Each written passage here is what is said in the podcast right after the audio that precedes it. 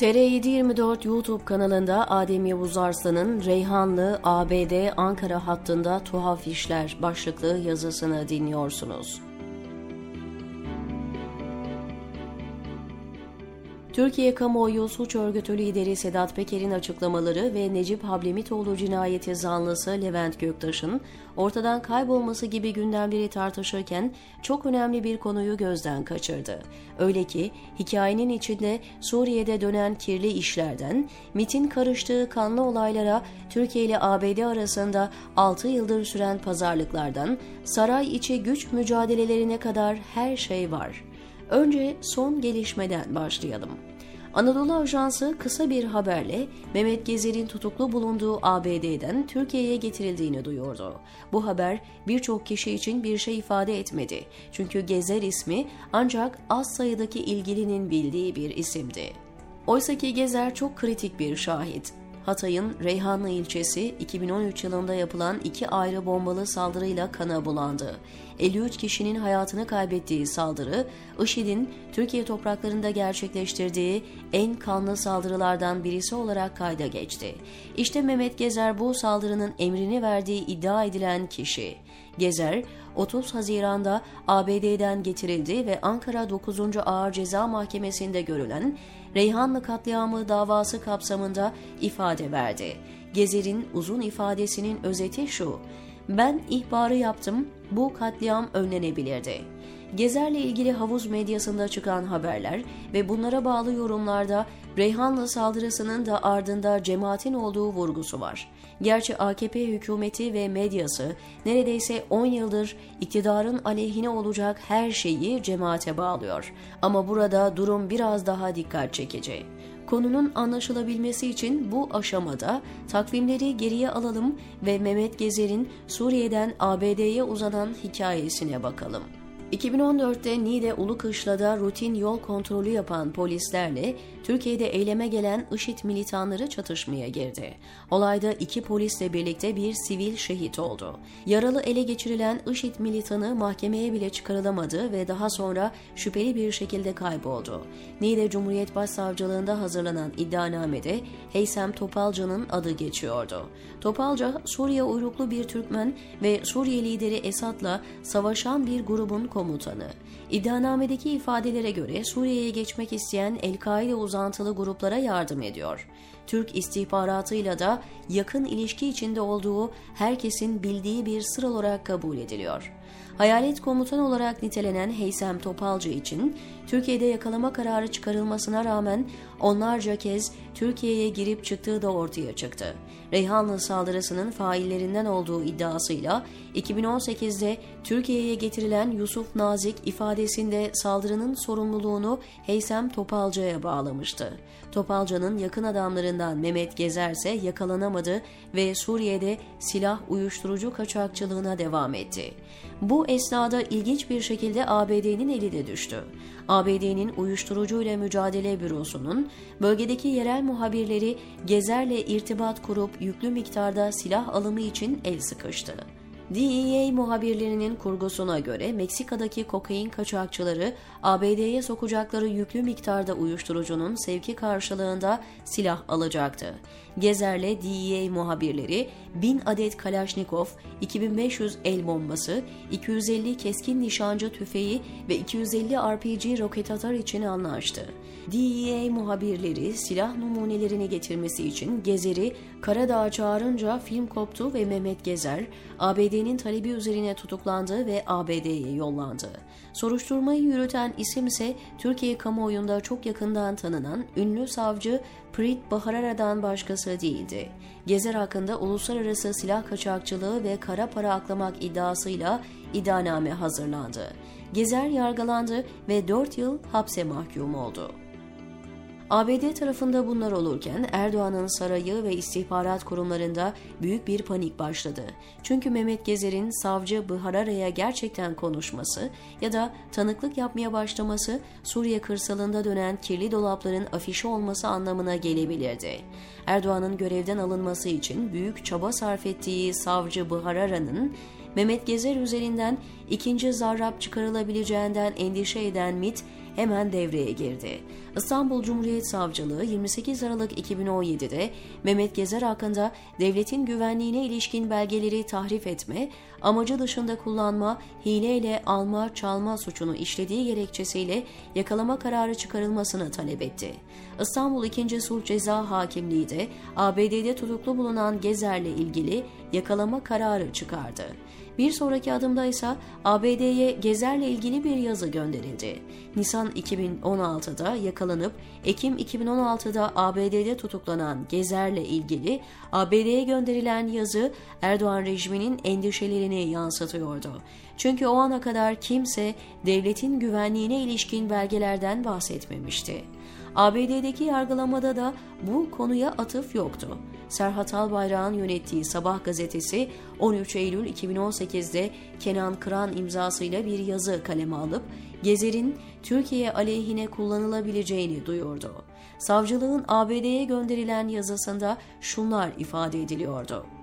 Şüphelinin Mehmet Gezer, Savcı Özcan Şişman'ın Reyhanlı katliamında ihmali olduğu ortaya çıkmıştı kasıtlı ihmali sonucu vuku bulan bombalı saldırılardan FETÖ-PDY mensupları yerine devletin güvenlik ve istihbarat birimlerinin sorumlu olmasını gerektirecek şekilde oluşturulan kurgu ve mizansen içinde yer aldığı, bu eylem ve olaylara ilişkin bulgu ve belgeleri yetkisi olmayan kurum ve kuruluşlara verdiği, New York Güney Bölgesi Mahkemesi'ndeki davada tanık olarak dinleneceğine dair bilgilere ulaşılmıştır.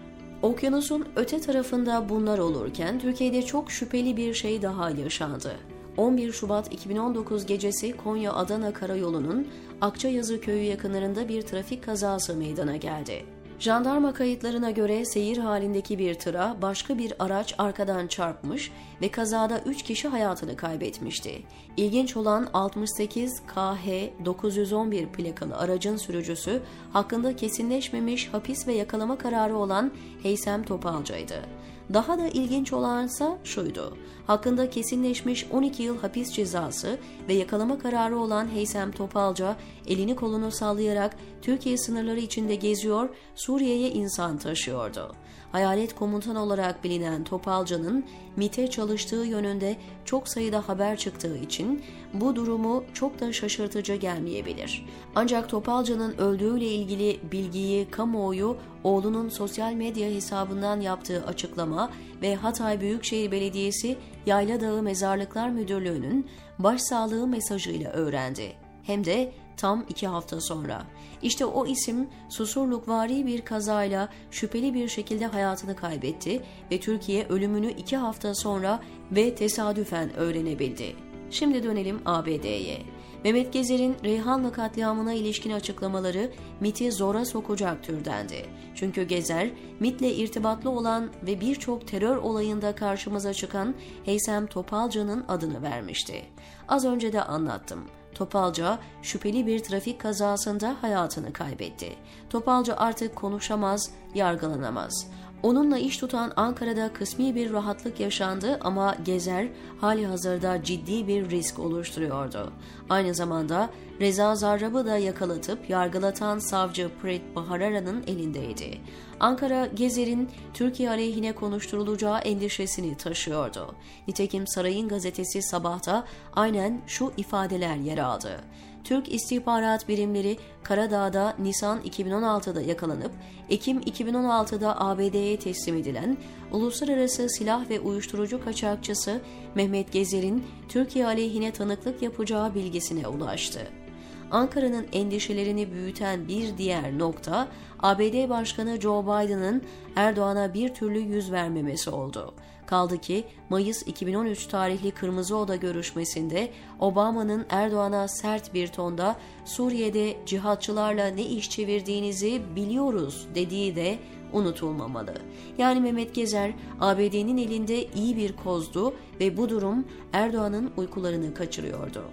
Türkiye ile Amerika arasında yapılan müzakerelerde Ankara'nın elini rahatlatacak yönde gelişmeler yaşandı. Rusya'nın Ukrayna'yı işgaliyle doğan konjonktürel fırsat Erdoğan'ı rahatlattı. Amerika 6 yıldır elinde tuttuğu ve sık sık konuştururum ha dediği Mehmet Gezer'i Türkiye'ye paket servis yaptı. AKP iktidarı ise bir yandan Gezer'i teslim almanın rahatlığını yaşarken öbür yandan fırsattan istifade yeni bir senaryo yazmaya başladı. Kurulan tezgahın ilk ipucu 30 Haziran 2022 tarihli İçişleri Bakanlığı açıklamasında uç verdi. Gezer'i daha önce ihbarcı olarak tanımlayan iktidar bu kez katliamın talimatını veren kişi olarak dedi. Daha da ilginci açıklamada Gezer'in ABD'de bulunduğunun tespit edilmesi üzerine gerekli çalışmalar yapılmıştır deniyor. Gezer'in ABD'de ve savcının elinde olduğu 6 yıldır biliniyordu. Dahası son 2 yıldır hapiste bile değildi. Nerede nasıl yakalanıp Türkiye'ye getirildiği hala muamma. Üstelik Sabah gazetesine yazdırılan analizlerde Gezer'in Türkiye aleyhine tanıklık yapabileceği, bombalı saldırılarda Türk istihbaratının dahline dönük suçlayıcı ifadelerde bulunabileceği zaten anlatılıyordu.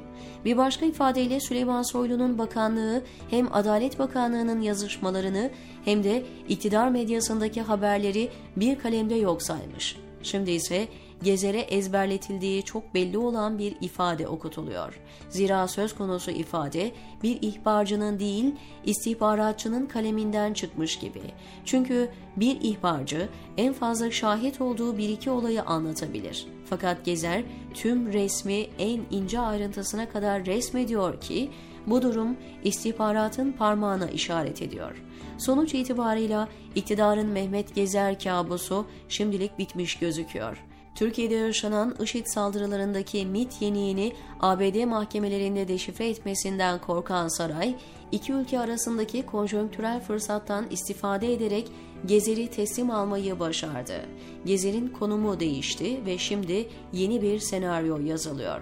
Hem pis işlerini örtüyorlar hem de 17 Aralık 2013 büyük yolsuzluk ve rüşvet operasyonu sonrası yaptıkları gibi kendi kirli işlerini cemaatin üzerine yıkmayı hedefliyorlar.